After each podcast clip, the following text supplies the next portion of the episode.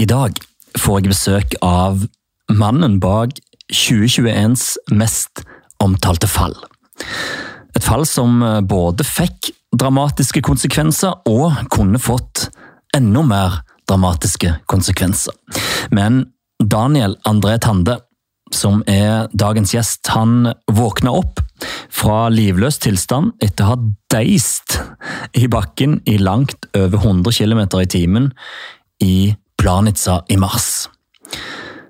Men nå er han på vei tilbake med ønske om å igjen bli verdens beste skihopper.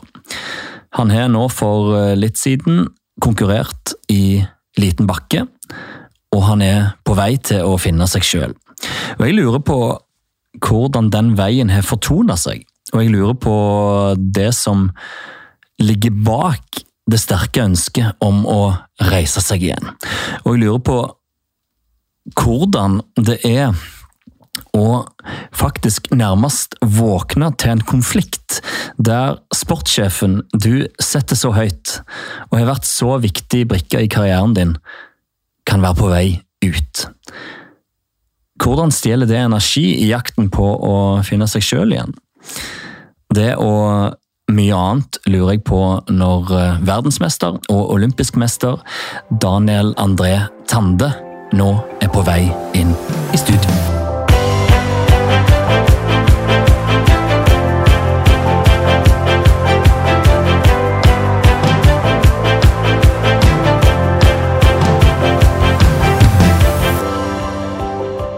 Navn? Eh, Daniel André Tande. Idrett? Eh, Jeg hopper på ski. Moderklubb? Kongsberg idrettsforening. Første konkurranseminne? Åh, den er vrien. Uh, Jeg tror første som dukker opp der, det må jo nesten være klubbmesterskapet hjemme i Kongsberg, altså. Oi.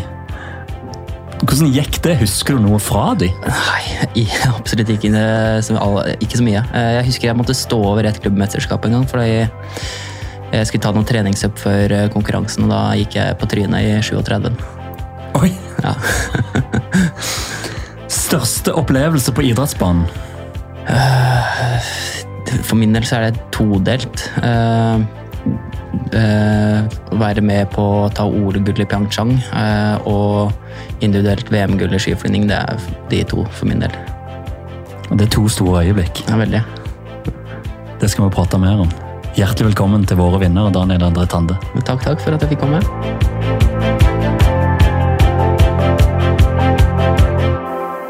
Ok, Daniel André Tande, hjertelig velkommen, som sagt. Eh, Så utrolig hyggelig å ha deg her. Takk, takk. Det er veldig, veldig fint rom, koselig, så jeg trives enn så lenge. Ja, det er bra. det er bra.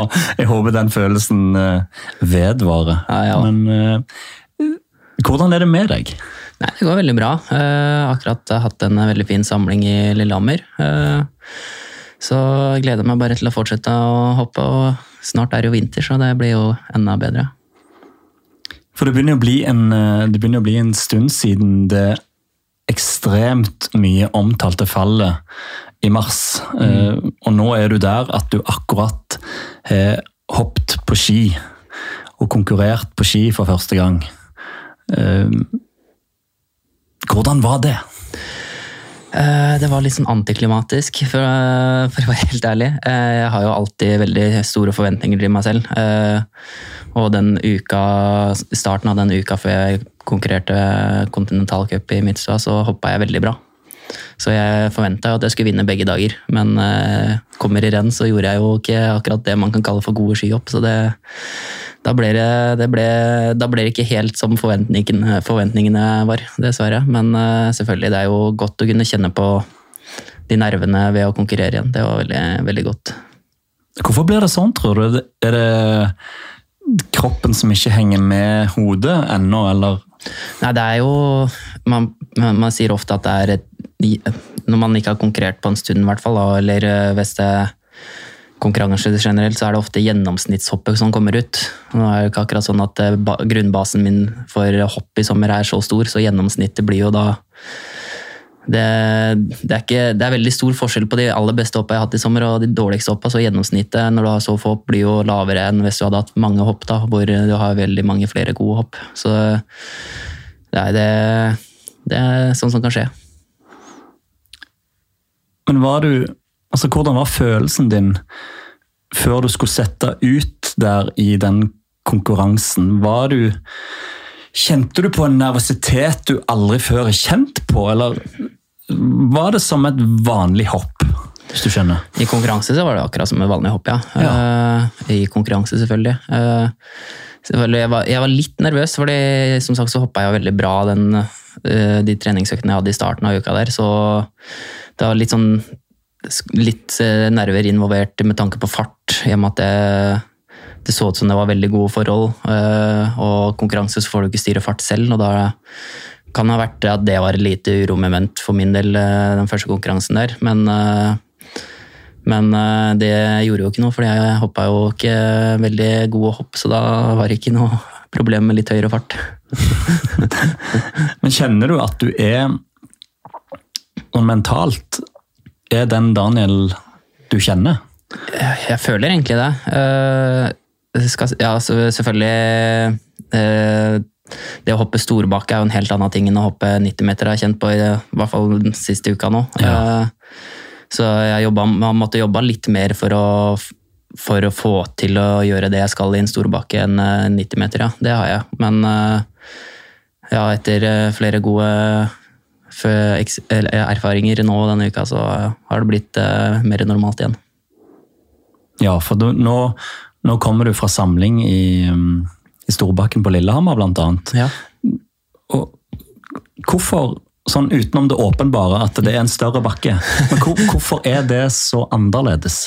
Jeg skulle likt å gi deg et annet svar enn at det er en større bakke. Det, det jeg, men jeg tror, tror, det er så enkelt som det. Altså. Ja. det selvfølgelig større bakke, større fart, større lengder. Men uh, ja, så jeg trengte, trengte et par hopp for å for å føle meg eh, mer komfortabel og, og, for å få til å gjøre arbeidsoppgaver. Men uh, når jeg først gikk, så funka det ganske bra.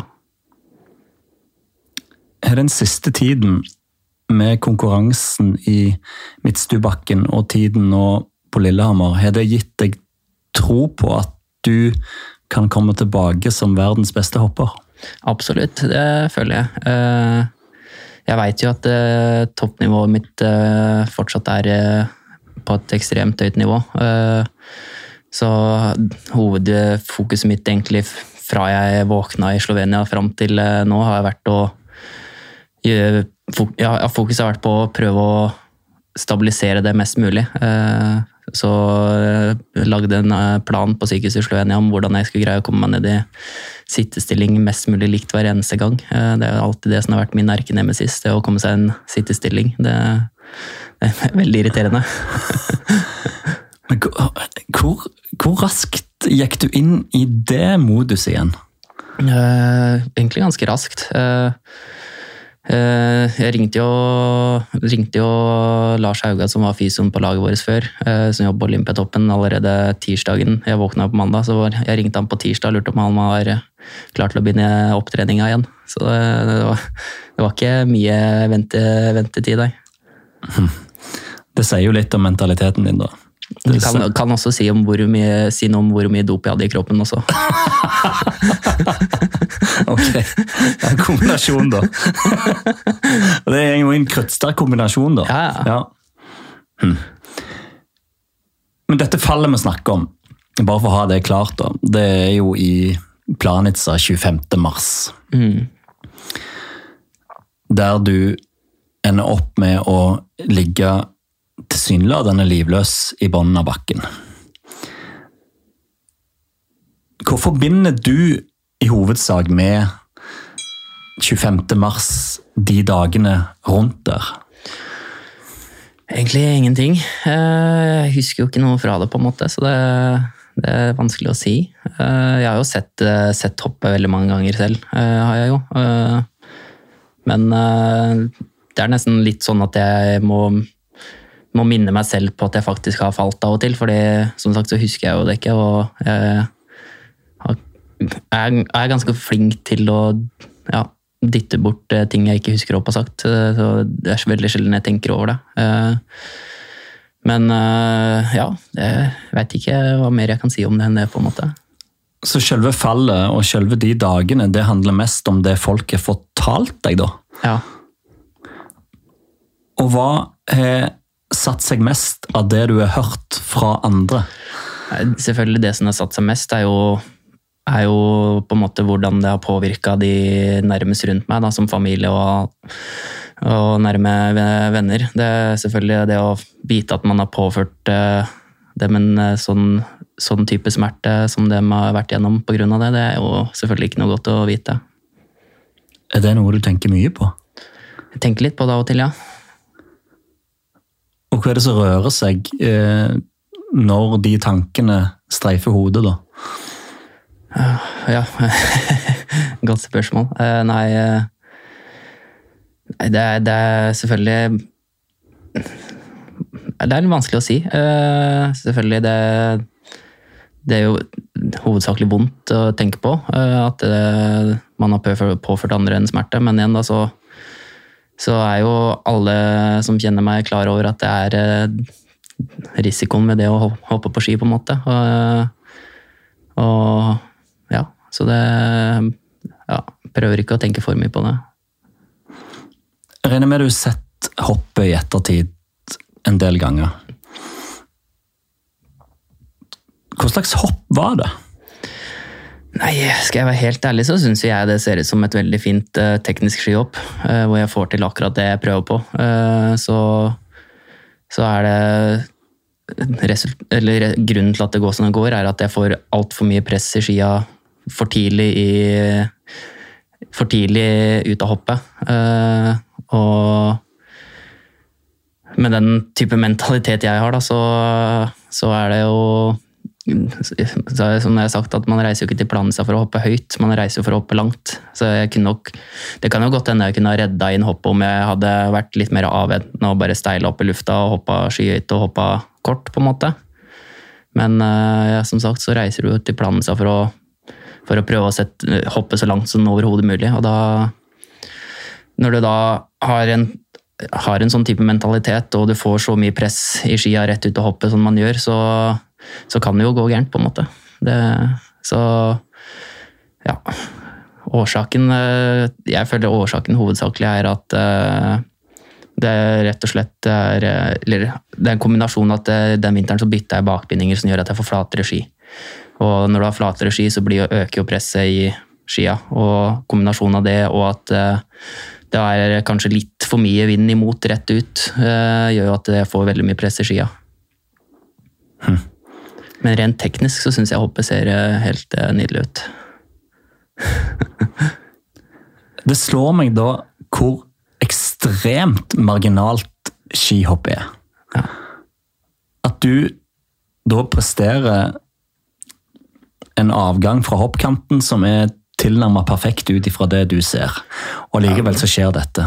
Perfekt er overdrivelse, men, ja, men Som er bra, da. Ja, ja. Som er mer enn bra nok. Og så skjer dette likevel. Mm. Du snakker om mentalitet. Hvilken mentalitet må ligge i bånn for å drive en idrett der marginene er så små som dette? Nei, det er jo, det er jo med, med, på en måte premien av at du kan hoppe langt på ski. Det, den følelsen av å fly nedover en skiflyvningsbakke med, med det trøkket som er i både kropp og ski fra lufta, og se at du kommer til å lande søk, søket nedi der oppe, det er jo en helt fantastisk følelse. Det, det, er ikke mye som slår det, altså. Hm. Og når du da er på vei ut mot hoppkanten, eh, litt i overkant av 100 km, eh, noe sånn, er det det dere har planen? Ja, eh, I det hoppet så hadde jeg vel 102,6 km i timen. Ja. ja. Er de bevegelsene du da gjør, er de så automatisert at du nesten ikke tenker?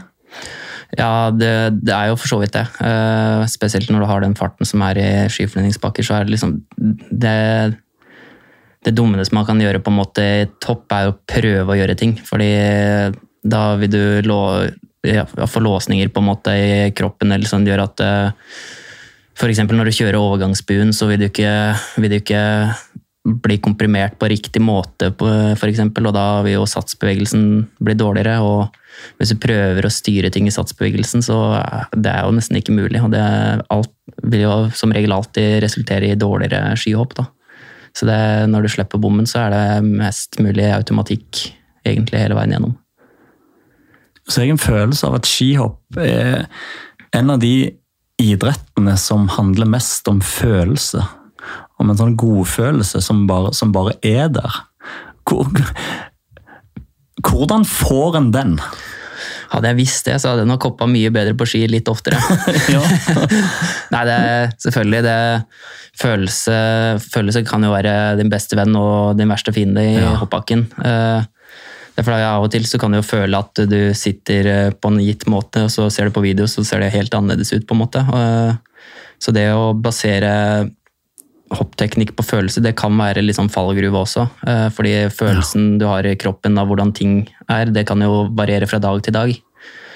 Så vi, vi jobber jo ofte med å prøve å finne andre key points da, som ikke er basert på følelse, men mer ja, uh, gitte ting som uh, ikke vil forandre seg fra dag til dag. Da.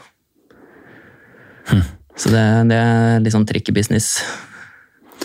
Hva slags modus var du i? Hva slags uh, følelse hadde du i perioden rundt mars? Perioden rundt uh, Planica-fallet?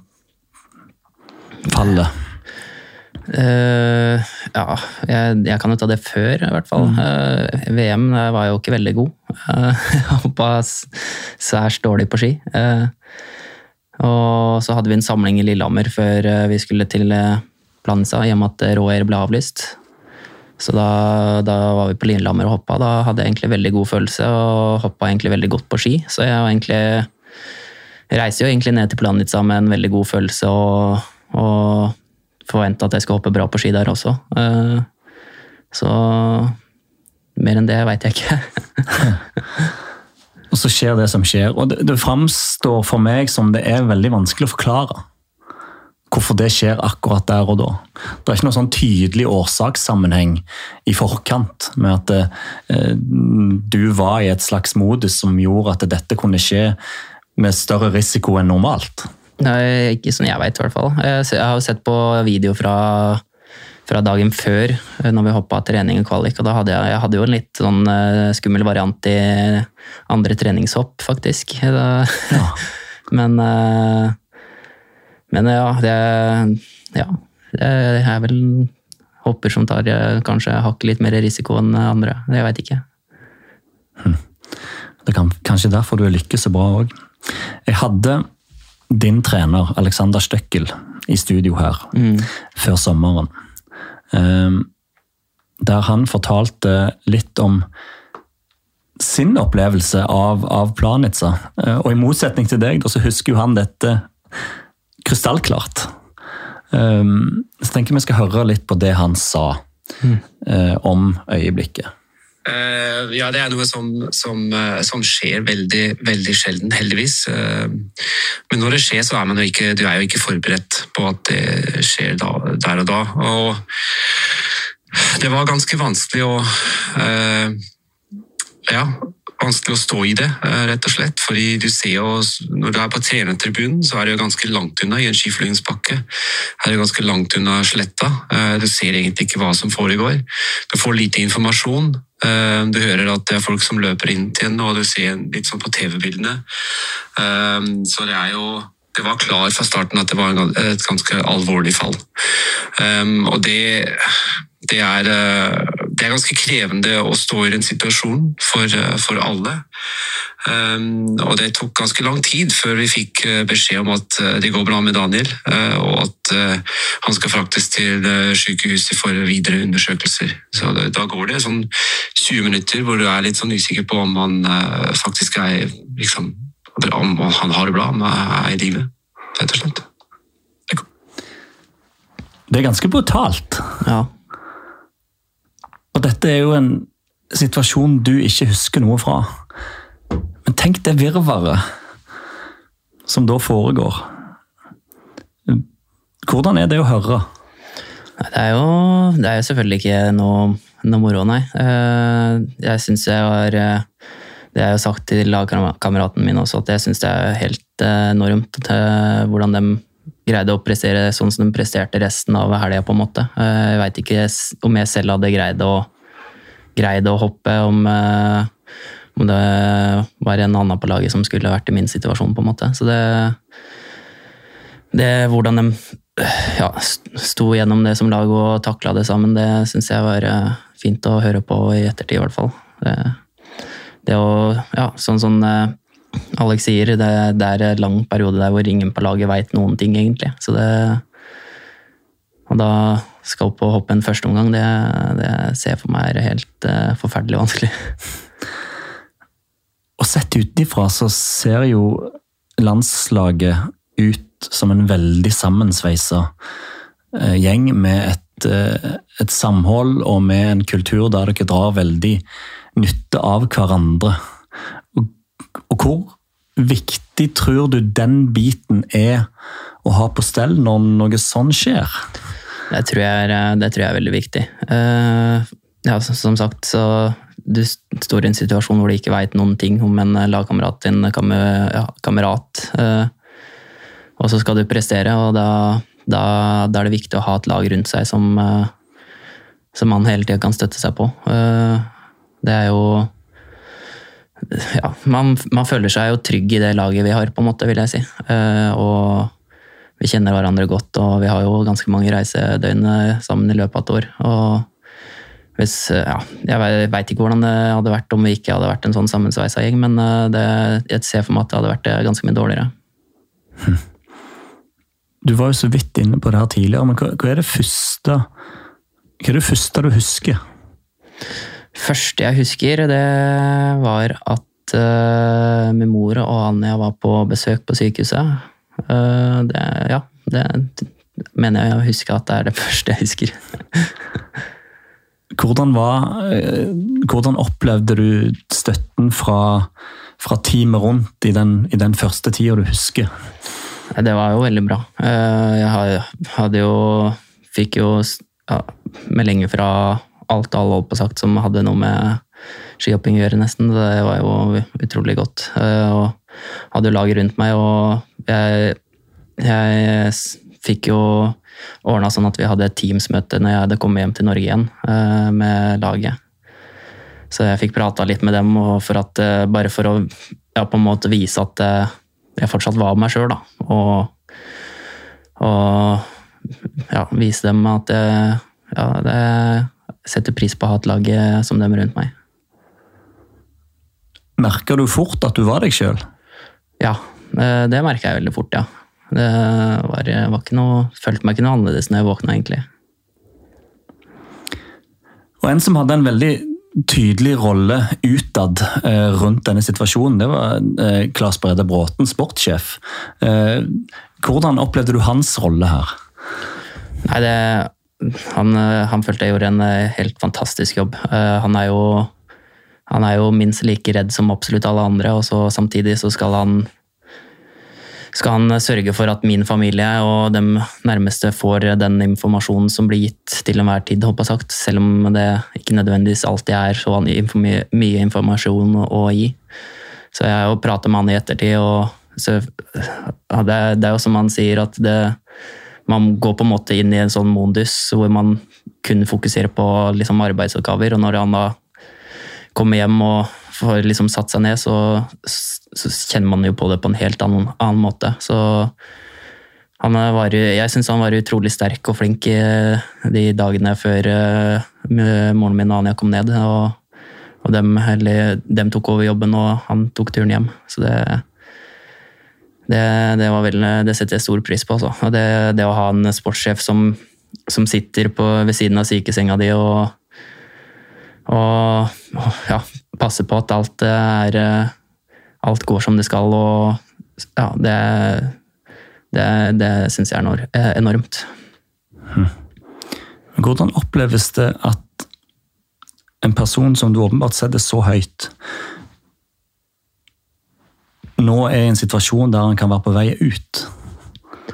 Nei, det, for, for, for min del og for resten på laget så er det jo egentlig helt uforståelig. Eh, vi er alle utøvere, alle i støtteapparatet, alle i grenen hopp har jo lyst til å ha med seg Klas Brede videre. Eh, og den jobben han gjør for oss, spesielt utøvere, det er jo det er så enormt, enormt stort og, og viktig. Eh, han gjør jo Han setter alltid oss eh, utøverne i fokus. Det, det er jo det det man skal i en type, sånn rolle. Sørge for at vi har det som skal til for at vi skal kunne vinne hopprenn. Eh, og den jobben har han gjort eh, helt fantastisk. Det, så det, er eh, utrolig kjedelig å, ja, å, vite at han står i den stormen sånn han gjør akkurat nå. Og så håper jo bare alle på laget at vi skal få lov til å ha med oss Klas Brede videre som sportssjef. Tar denne situasjonen mye energi fra dere? det, det, alle våre trenere og støtteapparat, og Klas for, for, så vidt også, er, har, har, jo vært veldig flinke til å holde oss utenfor det her. Eh, eh, for vår jobb er jo å gjøre det vi kan for at vi skal prestere til vinteren. Eh, så selvfølgelig er det jo et uromoment, men vi har, jeg vil si vi har verdens beste støtteapparat som gjør alt de kan for at vi skal prestere best mulig, og da De prøver jo selvfølgelig å skjerme oss mot, mot mye av det som, det som skjer. Men vi leser jo media, vi også, som alle andre. Det, men ja, igjen så er det jo jobben vår å mm. fokusere på det å hoppe på ski. Da. Så det, vi prøver så godt vi kan, i hvert fall. Du sier du ikke skjønner situasjonen. Hvor er hovedårsaken til at du ikke skjønner den situasjonen han havner i? Nei, det er jo egentlig greit, den jobben han har gjort. Og det at vi alle som holder på med skihopping, vil ha med han videre. Eh, eh, nettopp for den eh, jobben han gjør. Så selvfølgelig Da er det vanskelig å skjønne hvordan man kan ikke ønske å ha med han videre når man har hatt så stor suksess i de ja, ganske mange år nå. Prater dere mye om det? Ja, vi prater jo, Når vi er på samling, så prater vi jo selvfølgelig litt om det. og, og det, det, som har vært eh, det nyeste på en måte i media. Det, det gjør vi jo. Det, men eh, så fort vi er i bakken, så er det fokus på å hoppe på skia. Hva håper dere skal skje her nå? Nei, Vi håper jo selvfølgelig at uh, vi får med oss Glass videre etter denne sesongen som sportssjef. Det håper vi jo selvfølgelig. Hvor mye ville det ha betydd? Det, det, tror jeg ville betydd mye for alle som er involvert i Norges hopplandslag. Og ja, det er mange, mange av dem rundt i landet som er hoppinteressert også, kan det virke som. Hmm. Det blir interessant å se hva som skjer der, og det blir interessant å se hva som skjer med, med deg denne sesongen. Eh, liksom, hvilke tanker gjør du deg nå, etter den veien du har hatt tilbake siden, siden mars? Nei, det, Jeg har jo selvfølgelig lyst til å hoppe godt på ski. Eh, det kommer, ikke, kommer nok til å gå mange ukene av sesongen eh, før jeg begynner å bli veldig irritert over at jeg ikke gjør veldig gode skihopp eh, heller. Men jeg, jeg føler egentlig hovedmålet mitt for sesongen er å ha det gøy med skihopping. Og så veit jeg at om jeg hopper eh, godt på ski, så er, jeg, så er, jeg, god nok til å vinne hvilket som helst renn jeg stiller opp i. Eh, og ja, for å gå, gjøre gode skihopp, så, så må man ha det litt gøy også. Hva har vært det mest utfordrende med veien tilbake? Det mest utfordrende har jo vært ventetiden på å få lov til å hoppe igjen, selvfølgelig. Ja. det når man eh, etter hvert har vært veldig mye på treningssenteret og trent så, og ikke fått hoppa, så er det liksom Man føler man eh, stagnerer litt. Og det å, det å ikke få lov til å gjøre det man trener for å gjøre, det er eh, ganske frustrerende. Altså. Det, det skal jeg ærlig innrømme. du sitter jo her ikke bare som en skihopper som har ligget tilsynelatende livløs i bunnen av en bakke i Planica. Du sitter her som en olympisk mester, som en verdensmester. Og den veien dit, den starta et sted. Som du nevnte, med noen klubbmesterskap i moderklubben din. Hva husker du først og fremst fra, fra den tiden? Jeg husker jo jeg husker egentlig ganske mye fra den tida. Vi har jo en eh, veldig, veldig fin gruppe med hoppere i Kongsberg. Eh, Det var jo gamle anlegg i idrettsparken. De bygde jo om det, jeg husker ikke hvor mange år siden det er nå. Eh, Men det var mange iskalde kvelder borte i idrettsparken med beintråkking av hoppbakker og trysking opp langs en skogsti, på å sagt, for å hoppe på ski. Så vi hadde, vi hadde det jo veldig mye gøy og, og ja, kose oss i hoppbakken. Og på dugnader så var det jo, var det ofte med langrennsski hvor vi lagde hopp og hoppa også, holdt på sagt. Så det, det var eh, mye sprell, altså. Det var det. Kongsberg har jo kruttsterke hopptradisjoner. Eh, Var det, var det tidlig sånn at eh, jeg skal bli skihopper? Ja, det var ganske tidlig at jeg hadde lyst til å bli skihopper, ja. Det, det er vel noe, sett noe sånn eh, video fra fjerde klasse på barneskolen hvor eh, vi liksom prata om framtidsplaner og drømmer og alt sånt, og da var det, det var skihopper, ja. Det, det var ikke noe tvil om det.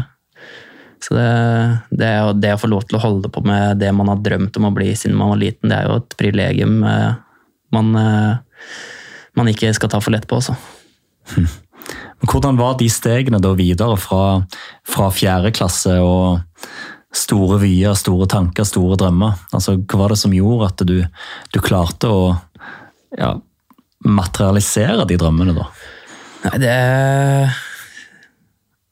har hatt eh, Det har vært mange flinke trenere inne i bildet, selvfølgelig. Og, og så skjønte jeg tidlig også Jeg var jo veldig lat på det når det kom til å tøye og sånn, fordi det var jo ikke noe godt. Man, det gjorde, gjorde jo vondt.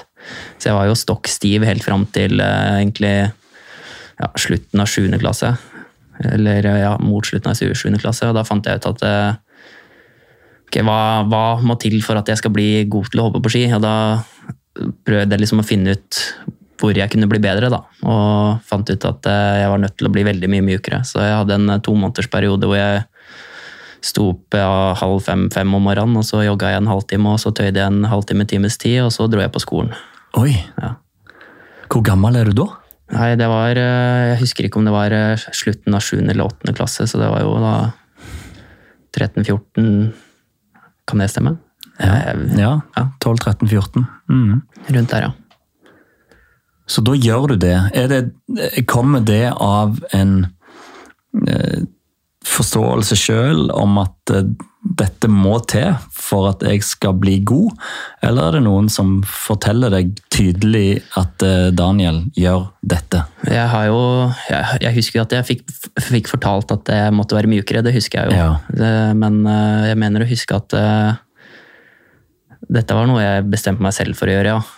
Uh, det er ikke ofte en trener anbefaler om å gjøre, gjøre det hver eneste dag Nei. i to måneders periode, nei. Nei.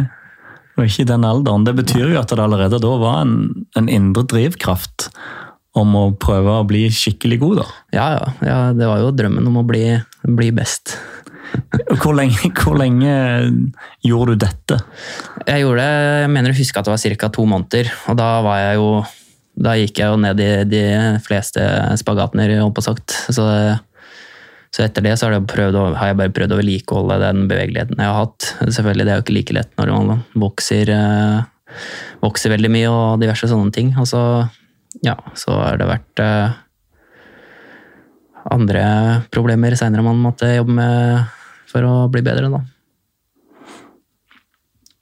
Og når, når er det du da skjønner at eh, disse drømmene som du har jobbet så knallhardt for og stått opp så tidlig for og tøyd så hardt for, og, når skjønner du at du virkelig kan være i stand til å nå de? Det, det veit jeg egentlig ikke, men eh, selvfølgelig Det å når jeg for første gang ble tatt ut til å hoppe verdenscup, det, det var jo selvfølgelig selvfølgelig et tegn på at, eh, på at eh, dette her på en måte kan gå. Eh, Jeg starta den sesongen, det var 13-14-sesongen, starta den sesongen helt forferdelig. Jeg kom ikke til andre omgang i kontinentalcuprennet i Rena og skulle legge, legge opp eh, allerede to uker inn i sesongen, så jeg skal legge opp ganske mange ganger i løpet av vinter. Da, bare sånn Ja. men eh, nei, selvfølgelig det å jeg blir tatt ut i verdenscuprenn. det å- Jeg kommer på 15.-plass på søndagsrennet i Kolm der. Hoppa for så vidt mine første verdenscuprenn som, eh, samtidig som jeg hoppa mine første hopp i skiflygning. Det var jo helt fantastisk. Jeg kom på 15.-plass der og fikk lov til å være med videre. og hadde ja, flere hadde et par plasseringer uh, i sjiktet mellom 10. eller ja, 10. og 20. plass der. Uh, fikk lov til å være med på lagkonkurransen i Sakopane. og plutselig ut av det blå så var jeg med i kampen om å være femtemann på laget til Ole Oli Sotsji. Det, jeg hadde jo, På videregående så hadde jeg jo sånn nedtelling til Ole Oli Sotsji skulle begynne. Så eh, jeg, hadde, jeg hadde jo gitt opp det ganske tidlig den vinteren at det, det, det kommer jo ikke til å skje, det. ikke sant? Og så plutselig var jeg i kampen om å være med dit. Så det, selvfølgelig den sesongen der var jo kanskje da jeg skjønte at det, det kan gå, på en måte. da. Sånn Aldersmessig så er du fortsatt junior her, er du ikke det? Ja, det var, 19, det var siste året mitt som junior, og var det vel fort vekk. Ja. Hm. Så der hadde du satt ned en nedtelling. Men det du sa med at du legger opp, eller har lyst til å legge opp mange ganger i løpet av en sesong, er det fortsatt sånn? Er det noe som følger deg? Er du en sånn Ja, ja. øyeblikkets mann? Ja, ja, jeg er jo Jeg er vel ikke akkurat kjent for å være den som eh, er sindiksene på sletta til tider, nei. Så det kan være en halvtimes tida hvor jeg, eh, hvor jeg tenker at nå, nå legger vi skia på hylla. Så kommer vi dagen etterpå, så går det veldig bra. Ja, For hvordan funker det? Hva er det som gjør at det går så fort ned og såpass fort opp igjen? Nei, jeg har jo en kort lunte. Det har jeg jo. Det har jeg alltid hatt. Eh, Jeg har jo st- store forventninger til meg selv, men eh, jeg er jo aldri langsint. Eller langsur, håper jeg sagt. Så det, går jo veldig fort over. Og så skjønner jeg at eh, faen, det, skihopp, det er skihopping. Du kan ikke forvente å skulle vinne hvert eneste renn du stiller opp i. Det, det er nesten umulig å få til. Det, det er noe av det som gjør at jeg elsker det å mm, ja, skihopping. Det, når, når et renn starter, så er det 50 stykk som kan vinne et hopprenn. Eh, fordi du veit aldri hva som kommer til å skje, hvordan vinden kommer til å være i løpet av rennet. Ja, plutselig så er han som så vidt kvala seg inn til rennet, han eh, har funnet ut et eller annet som gjør at det plutselig gjør gode skihopp ikke sant? og hopper dønn i dalen. Så det, det er alltid spenning, på en måte. Selvfølgelig det er jo alltid noen favoritter som er eh, gode stort sett hele tida, og er, er veldig stabile. Men eh, det er alltid eh, hvem som helst kan på en måte vinne hele tida. Det er det som gjør det interessant. da. Jeg er ikke sånn megaglad i ting hvor du veit hvem som kommer til å vinne. Vet, eh, før, før det har starta, på en måte. Det, det, tar liksom spenninga og gleden ved å se på bort. Denne korte lunta, har den hemma deg? Nei, egentlig ikke. Det var noe jeg lærte meg ganske tidlig, var å utnytte det å være At jeg ble sur over dårlig hopp. Eh, Jeg husker det var treneren min eh, Jeg hadde i KIF eh, Øyvind, han ble jo med også over til Flying Team en periode der. Han, jeg husker det når jeg var på, var på hopprenn i Alvdal. Ja. Solan Gundersen-renn. Så det, da gjorde jeg et helt fantastisk dårlig første hopp. Så på vei opp da, så sa han at Så fikk jeg beskjed om at nå går det opp og viser hvem som er sjefen, liksom. Og det, det er noe jeg på en måte alltid har tatt med meg. da, at eh, jeg, jeg har alltid fått til å bruke frustrasjonen og sinnet mitt over et dårlig hopp til et bedre hopp. Og det, det har jeg alltid vært veldig fornøyd med. Så selvfølgelig har jeg jo ofte ønska at jeg skulle vært eh, enda bedre i første omganger, men eh, å være god i andre omganger er morsomt, det òg. Men tror du den Altså det, det sinnet over å ikke prestere, at det også handler om den Det genuine ønsket om å bli best og å være god. Ja, selvfølgelig. Det er jo det det, det kommer av. Det er jo Jeg har jo lyst til å være best hvert eneste hopp jeg hopper. Uh, og selvfølgelig jeg blir jo sur og skuffa over at jeg ikke får til å gjøre det, det jeg prøver å gjøre, f.eks. Jeg veit jo at uh, jeg vet jo at på mine aller beste hopp så er det få i verden som kan matche meg. Og når du veit det så, og har høye forventninger til deg selv, så er det jo da, da forventer du at du skal gjøre det litt oftere, på en måte. Men uh, det er dessverre ikke sånn det funker, og da, da, da er det naturlig å bli litt uh, grinete. Ja, så kan en jo si at den, de humørsvingningene er, er et slags barometer på at det er ikke noe likegyldighet her. Mm. Her er det ja, Fy søren. eh, Her skal jeg stå på, her skal jeg jobbe, her skal jeg få det til. Og den har du kanskje brukt nå, i den fasen du har vært i nå, der du sier at du har vært At det har vært vanskelig å gå og vente på å hoppe igjen. Mm. Og hvis du ikke hadde hatt den lysten, og den var så sterk, så kunne det kanskje vært mer utfordrende å komme tilbake. Ja, ja, selvfølgelig. Det hadde vært veldig mye mer utfordrende. Eh, og hadde det vært sånn, så vet jeg jo ikke om jeg hadde i hele tatt giddet prøvd å komme tilbake, på en måte. Men eh, det, det har aldri vært et spørsmål for min del denne perioden her, altså. Det, ønsket om å hoppe på ski er såpass stort at det jeg trengte aldri å sette meg ned og tenke over det. Og ønsket er jo da å komme tilbake til de prestasjonene du gjorde i 2018, som du nevnte i starten her. Eh, Med blant annet Hvis vi tar den skiflyvnings, det skiflyvnings-VM-gullet først. Hva var det som funka så bra i Oberstdorf 2018? Det var jo alt, da. Er vanskelig å forklare. Eh, eh, vi hoppa jo første skiflyvningsrennet for sesongen helga før i Kolm. Uh, hoppa helt elendig på treninga der, og kvaliken, egentlig. Eh, og jeg skjønte jo egentlig allerede da at det kommer til å bli vanskelig å være en del av det laget som blir å få hoppe. Fordi vi har jo to tidligere verdensrekordholdere på laget, og flere andre som er helt fantastisk gode i skiflyvning på laget, liksom. Så det, jeg ja, skjønte, skjønte liksom ikke helt hva jeg skulle gjøre for å greie å komme med på laget. Eh, så satt jeg på kvelden og fikk flashback fra første gang jeg var med i verdenscupen, som også var i Kolm. Ja. Og da, så jeg det, da var jeg veldig flink eh, rett ut av hoppet med å få arma ned og gjøre armene til en del av systemet. Eh, så tenkte jeg bare ja, hvorfor ikke prøve det i morgen? Skal jo sies at uh, hoppteknisk så var jeg jo ikke helt av. Det var jo veldig close god skihopping. Så prøvde jeg å få, få, få armene ned og gjøre armene til en del av systemet som skulle fly nedover bakken her, og det funka jo helt sinnssykt bra. Så jeg fortsatte jo med det. Prøvde meg på det og Så ja, så kom vi til Oberstdorf, og da, da funka alt. Det, jeg tenkte ikke på noe som hadde med hoppteknikk i det hele tatt å gjøre. Jeg, jeg kom dit og skulle ha det gøy og se hvor langt jeg kunne hoppe. Og det var fokus gjennom hele helga, egentlig. Nyte det å hoppe langt på ski. Og det gikk jo ganske bra, da. Ja. Fy søren, du hadde vel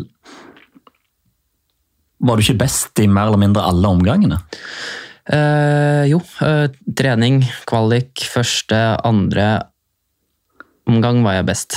Og så Ja. tredje omgangen, da tok Kamel et par poeng på meg, tror jeg. Om jeg ikke husker feil. Ja. Så et såkalt fortjent gull. Ja. Det gullet var jo av individuell karakter, og så hadde du den andre opplevelsen som var laggullet i, i Pyeongchang-OL. Hva er det som skiller to sånne opplevelser? Det er selvfølgelig det Som en individuell idrettsutøver så har du jo lyst til å vinne individuelle ting. Det har du jo selvfølgelig. Mm. Men ja, det laggullet eh, i Pyeongchang det betyr, eh, betydde ekstremt mye. med at det, det er jo første laggull vi tar i olympiske leker uh, i skihopping. Uh, vi har hatt det som felles mål ja, i jeg husker ikke hvor lang tid før vi satte det målet, men det, det er noe vi har hatt som et mål som et lag i, en lengre periode. og vi, vi var jo ganske suverene som lag den sesongen der, så det var jo i tillegg da utrolig høye, høyt press på oss for at vi skulle prestere og ta laggullet. Så Nei, det, det å Ja, som sagt, da, når du har et lag med, med venner som du reiser så mye med, og å prestere så godt sammen, da, det, er, det er jo en helt spesiell eh, opplevelse. Selv om vi konkurrerer som individuelle, individuelle utøvere i et lag, på en måte. Ja, og I det OL-et så lykkes du jo ikke helt individuelt. Nei, jeg hadde jo to første omganger der som var eh, ganske dårlige. Eh, Det var litt sånn forskjellen på, på VM og OL var jo at jeg kom til VM og forventa ikke å være en del av laget, og kom til OL og forventa å, å må kjempe om gull. Eh, Ja. Legger, eh, jeg føler at det, det som går feil, er at jeg legger altfor mye press på meg selv og ja, rett og slett kuker det til, som man sier. Mm. Du husker sikkert ikke dette, men i, i Pyeongchang så var jeg medaljeintervjuer, og så satt jeg og venta i bilen på laget på dere. Så kom dere inn i bilen etter gullet, etter en litt dopingtester og litt sånne ting. Og da var og Jeg nevnte det samme til Alexander Støkkel. Det var en sånn genuin glede hos dere. Det var noe sånn Dere strålte i blikket kollektivt. Det var en sånn ekstrem atmosfære i den bilen som jeg aldri kommer til å glemme. Eh, Og Du var jo litt inne på det, men, men hvorfor var det så stort for gjengen? Det er jo, det er jo som sagt eh, ja, mål vi har jobba sammen mot. eh, som det, ja, det er vanskelig å forklare. Det, det det, vi er jo individuelle idrettsutøvere. Eh, Vi er jo egosentriske i form at vi vil at vi selv skal gjøre det best mulig hele tida, men det å ja, Sånn som vi har jobba som et lag da, i så mange år, gjør jo at vi er, vi er Vi samarbeider på en måte som ikke så mange andre lag har gjort tidligere, på en måte. Eh, Det er jo, man har jo sett at det er mange andre lag som har tatt litt etter hvordan vi har jobba. Vi har ja, hatt det som et mål, og det er noe vi aldri som nasjon har greid å få til. Og det å gjøre det med ja, som sagt venner, eh, det, er, eh, det var helt fantastisk. Det, det å få til å prestere under en lagkonkurranse, det, det betyr på en måte noe annet enn å prestere bare for deg selv. Det gjør det. Når er Daniel André Tande, Daniel André Tande tilbake på det nivået der? Forhåpentligvis så fort som mulig. Nei, det, det er vanskelig å si. Nei, det, jeg veit jo at eh, potensialet fortsatt er der. Så er det bare å gjøre de riktige tinga og prøve å, prøve å ha det gøy, så tror jeg det kan skje fortere. Hvordan blir nå de, de neste månedene? Neste månedene nå, først og fremst, så blir det jo Sommer Grand Prix-avslutning i Klingenthal. Det gleder jeg meg veldig til, og det, der pleier som regel å da pleier som regel de fleste verdenscuphopperne å være med. Det er siste, siste rennet før på en måte vintersesongen starter. Det er siste muligheten til å se på en måte hvor man ligger an i forhold til alle andre og, og ta, med seg, ta med seg videre. Eh, Så det, det gleder jeg meg veldig til. Eh, Se, hva, se om jeg kan få ut noen gode hopp i konkurranse der, og se hva det holder til. Det blir veldig spennende. Så etter det så er det forhåpentligvis hopping på snø. Det gjenstår å se. Eh, Hvis ikke så blir det vel isbordsamling i Midtstua, og så er det, så er det hver helg resten av vinteren. Og i de helgene så ligger der en retur til Planica. Mm. Den må bli litt spesiell. Ja, den, eh, det kommer til å bli spesiell, ja. Eh, Selvfølgelig har jeg tenkt litt på det av og til. Jeg prøver ikke å tenke for mye på det, fordi man får jo ikke, jeg får ikke planlagt noe for det, på en måte. Eh, Jeg må nesten bare reise ned dit og se, se hva som skjer. Eh, Jeg har selvfølgelig utrolig lyst til å hoppe der. Har Ja, Er du det? Ja. Er du helt klar på at det Ja. Ja. Men igjen, så kan det hende jeg kommer dit og tar heisen opp og kommer på toppen, så bare, det kan jo hende kroppen bare fryser helt. Og da, da må jeg nesten bare respektere det og, og ta turen ned rett, tror jeg. Altså. Men eh, derfor, eh, det å skulle sette utfor en sånn type bakke uten å være klar for det, det er jo det er, ikke det, det, det er ikke det beste man kan gjøre, altså. Det, jeg har jo fått kjenne litt på hvor, eh, hvor gærent det kan gå, og jeg hadde jo, hadde jo flaks. Det kunne gått mye verre. Du virker som en fyr som er god til å takle nedturer. Ser du på deg sjøl som det? Det har jo det har, Man lærer av er erfaring, gjør man jo. Så det, det har, jeg føler jeg har hatt eh, føler jeg har hatt mye eh, uflaks opp gjennom eh, karrieren. Og så får man bare bruke det man har og gjøre best ut av det. For ting har jo ikke gått på skinner hele veien. Du har jo til og med vært oppe i en situasjon utenfor sportslig eh, der du mista din egen bror. Mm. Er det litt altså Hvordan skal jeg si det? Er det litt de samme egenskapene som person som på en måte får deg igjennom noe sånn? Eh, selvfølgelig. Det, det, det, er jo, det er jo det desidert verste jeg noen gang har vært gjennom, og kommer til å være det egentlig ut hele livet. Eh, så det Ja. Det, det er jo Jeg pleier ofte å si at eh, idretten, det er jo Det er jo Du du har alle bølgedalene som du har gjennom et liv, bare over en mye kortere periode. Uh, men men ja, det, nei, det er vanskelig å forklare, på en måte.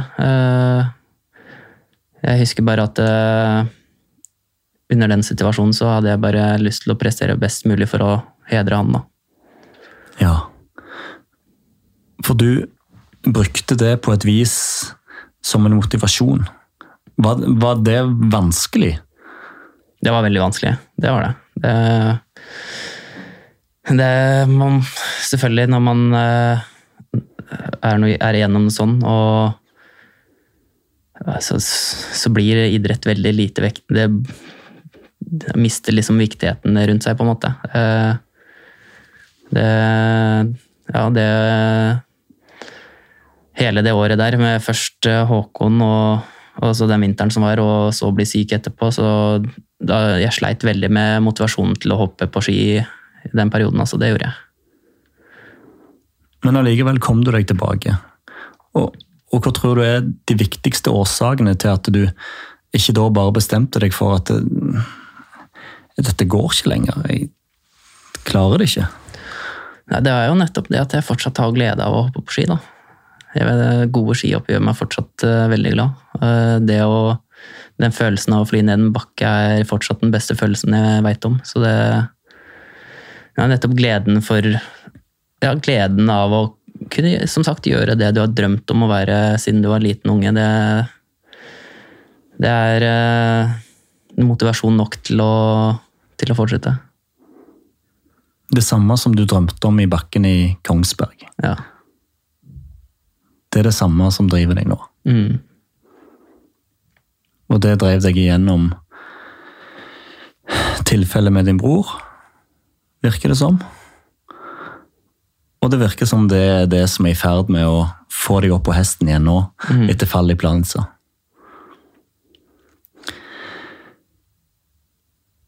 Utrolig hyggelig å ha deg på besøk, Daniel André Tande. Takk, takk. Og um, lykke til med sesongen i år og de neste. Jeg tror det kan bli bra. jeg. Ja, jeg har trua enn så lenge. Må ha trua fram til det motsatte er bevis. Hva mener du med det 'enn så lenge'? Eh, det kan jo hende det går dårlig òg. Det, det veit man aldri. Så jeg trua fram til det motsatte er bevist. For jeg tar rekke to streker under svaret når eh, sesongen er ferdig. Det blir spennende. Ja. Tusen takk.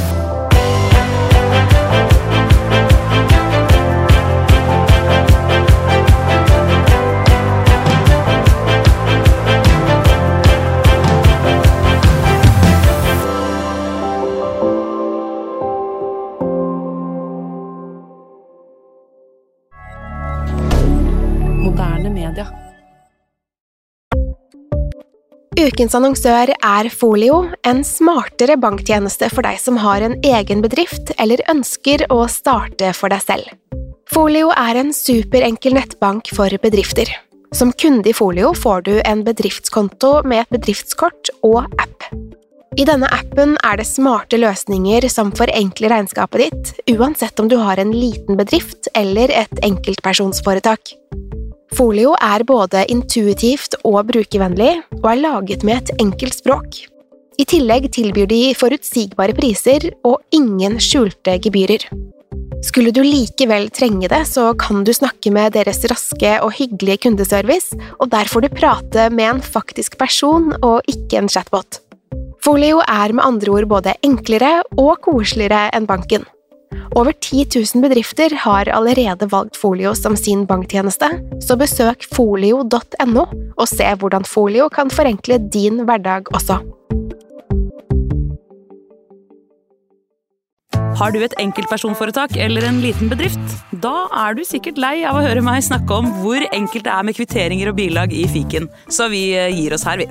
Fordi vi liker enkelt. Fiken superenkelt regnskap.